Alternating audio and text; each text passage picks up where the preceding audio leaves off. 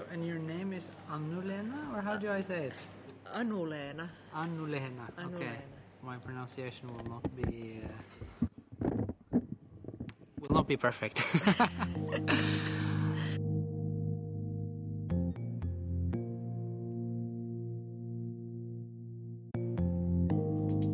Det du hørte der, var et opptak fra juni, hvor jeg prøvde å uttale navnet til min finske kollega Annulena Kimonen fra universitetet i Helsinki.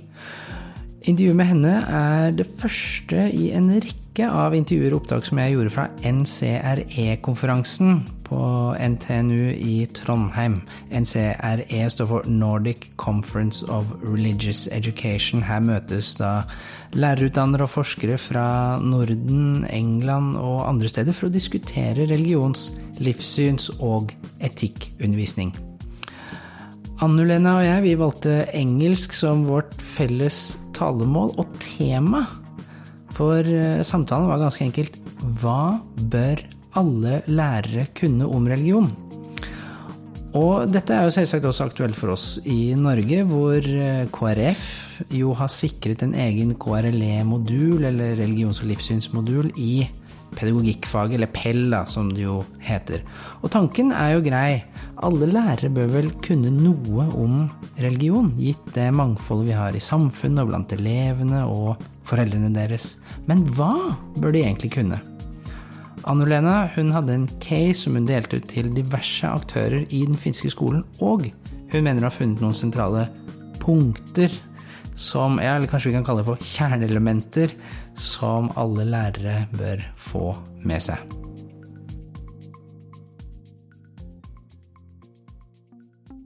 Du hører på KRLE-podden. Mitt navn er Knut Aukland.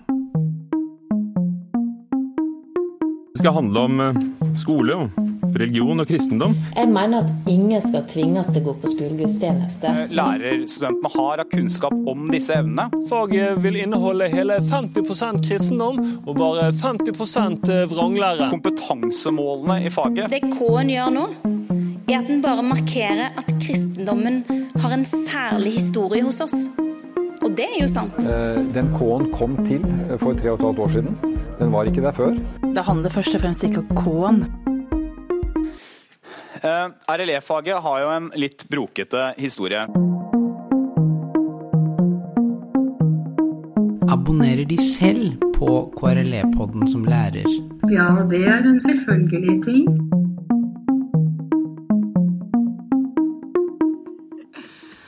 So, Anulena, you have a presentation here which is called What a Teacher Needs to Know About Religion. Yes. And it's tempting to ask you straight away, what do we need to know? But uh, maybe you want to tell the background of the presentation. Yes. Uh, my presentation is about um, some data, uh, survey data on an open question, and this open question uh, presented the participants a, a case, an imaginary case.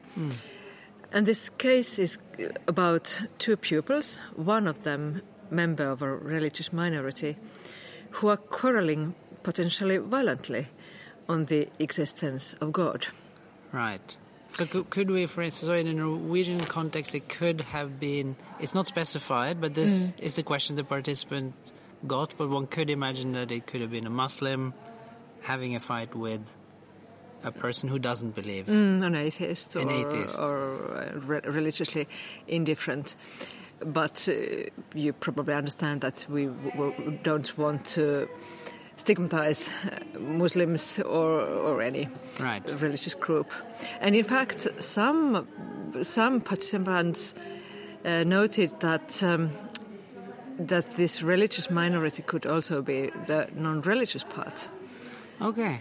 Or maybe they thought that. Um, even if you're a member, if you're a child and you're a member of a religion, you no, don't you necessarily don't share the convictions.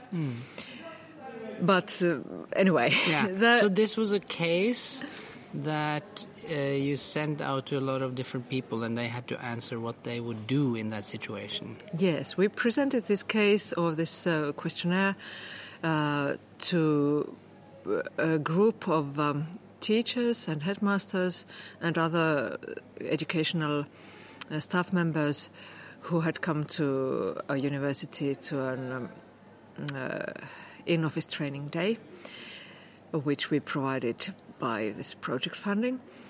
And uh, then some students who attended some other courses. Only part of them were uh, theology students. Okay.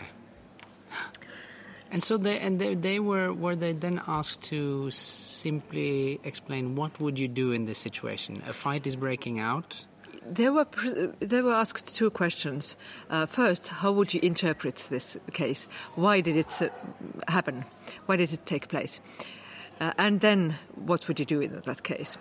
But it turned out that uh, those responses uh, in the latter question were not that interesting. But it was more interesting to study how they explained the situation. Hmm.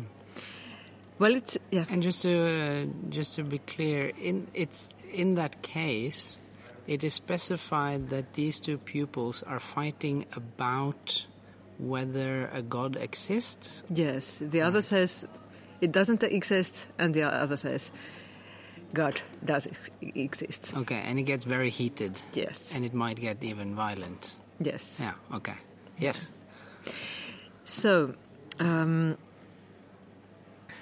um, if you look at it as um, from the point of view that um, in order to understand that um, religion or worldview or non-religious worldview might be at stake, you could look at this as, as um, sensitive sensitivity towards religious issues, and um, and uh, I counted how many respondents did not mention religion at all, at all, how many saw uh, religion or worldview as a problem, and uh, how many mentioned um, two, one or two uh, worldview related issues, so different aspects of religion or worldview, and uh, those who um, mentioned even more aspects of uh, worldviews.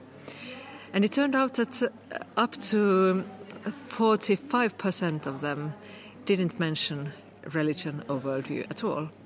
Okay, they didn't even mention it. No, uh, I don't know why. Perhaps they thought it was self evident, but then after all, then after all, why, to, why not to mention it even by a word or, or anything? Did they want to avoid the subject? Did they think that religious convictions aren't authentic in with young children? Uh, it, it's, it really is um, confusing.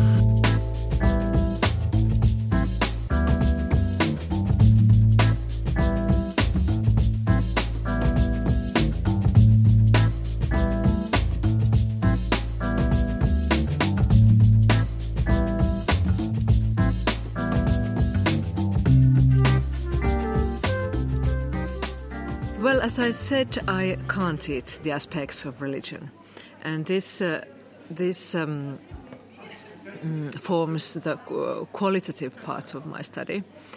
Uh, I coded the data on two grounds, or how it um, it uh, responded to two questions: uh, what worldview is, and uh, what does worldview cause in human beings?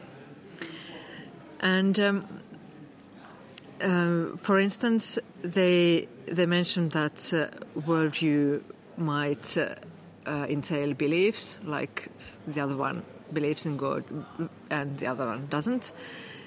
So the beliefs are at stake. Uh, even more say that. Um, it's something significant or sacred for them, those pupils. Um, many of them also mention that their identity is here. It's their identity is concerned in this conflict. Right. So, so being religious is not just believing things; it's also having an identity as Christian or a Muslim or a Buddhist or yes, or a person who who believes in God and stuff. But they also said that, uh, uh, or some of them wrote very explicitly that that both of them uh, may have felt that their identity is threatened. Right, both the atheist and the so theist. That, yes, because so that that also could be, it could be something significant or deep, but it also could be an identity.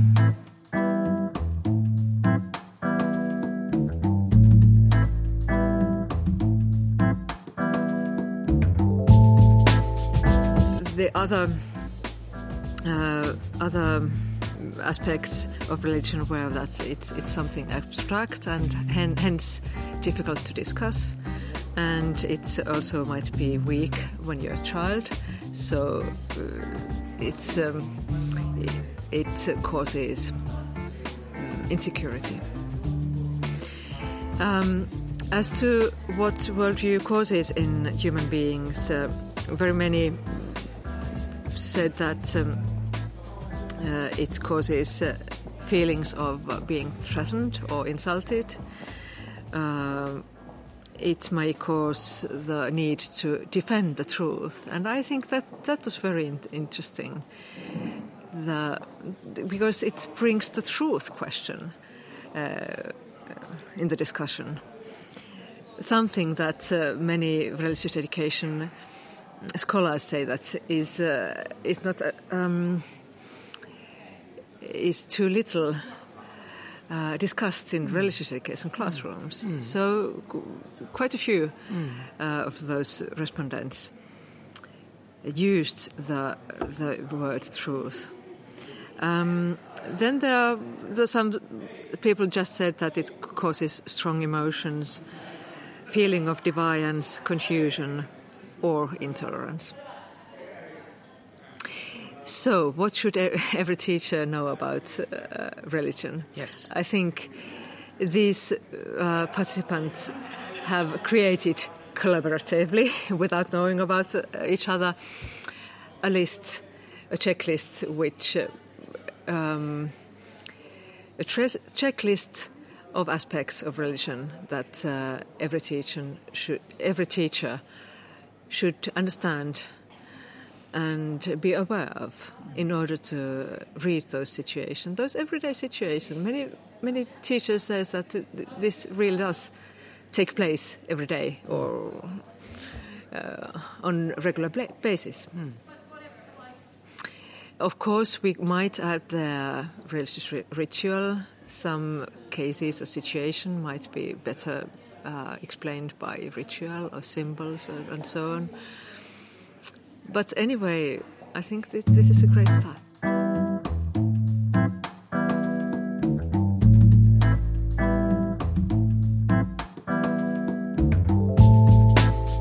And what? And can you then repeat for us the checklist so that we can take careful notes?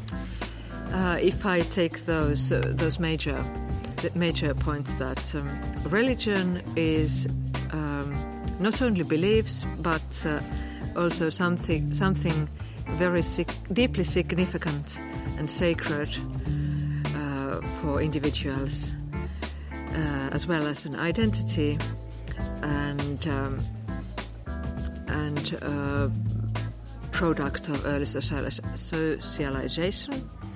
And religion and other worldviews cause feelings of being insulted and threatened uh, need to defend the truth, otherwise, strong emotions.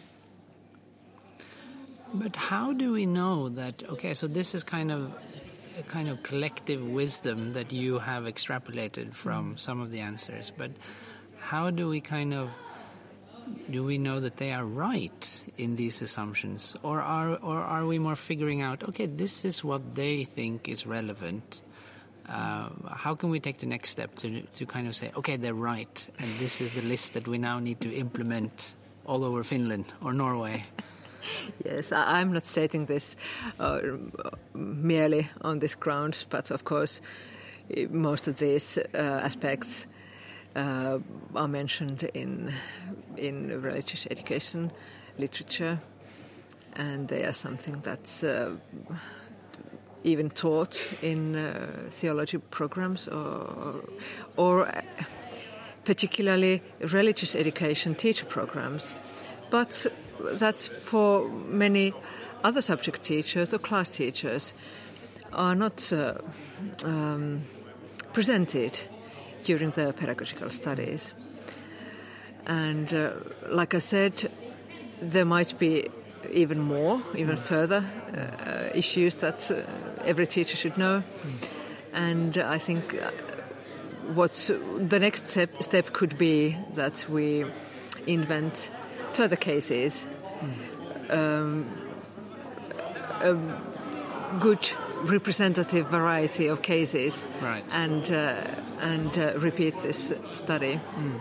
But this is, of course, something. This is what every teacher should know, right? Or maybe everyone in school, not just an RE teacher, because these Yes, kinds of situations yes. can happen Yes. anywhere, maybe particularly outside the classroom.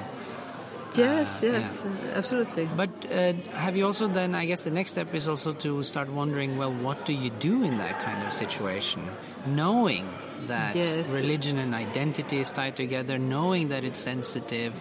Uh, then, okay, well, how? What do we do in this situation? Yes, actually, in the in this project that I mentioned, we've been developing um, uh, education based on uh, cases, and so it it wasn't an accident that we we had this kind of, kind of projective uh, survey item there, um, and to, we have. Um, we uh, decided to develop the use of cases because um, they might. Or there's there's some research on the use of cases in teacher uh, education, and um, they seem to bridge practice and theory quite well because if you you, you could use for instance cases that the, participants bring to the that uh, education situation. And uh, the important thing uh, that we try to um, enforce or we try to uh, promo- promote in our uh, trainings is that you don't rush into uh, into conclusions that you try to imagine um, if you can't ask them ask ask those uh, characters in, in the case. You you shouldn't rush into conclusions. You should uh, think of as many possible explanations as possible and then critically review them. And that goes also for those um, procedures. You should think of uh, if you don't have to act um, immediately. And uh, of course, if you have been forced to act immediately, you can reflect that later on. And you should think of different solutions and reflect on them critically. And uh, and it very often is that the interpretation on a case or on a situation affects uh, the, your choice of uh, procedure. So if you think that here is a child who's been well abused or this this particular child is the victim and the other one is the um, uh, who's going to be blamed. So you deal with the situation by punishing the other. The bully, and yeah. the, yes, whoever you interpret to be the bully. But if if you have the time to reflect on the the case more thoroughly, you might um, discover uh, further dimensions.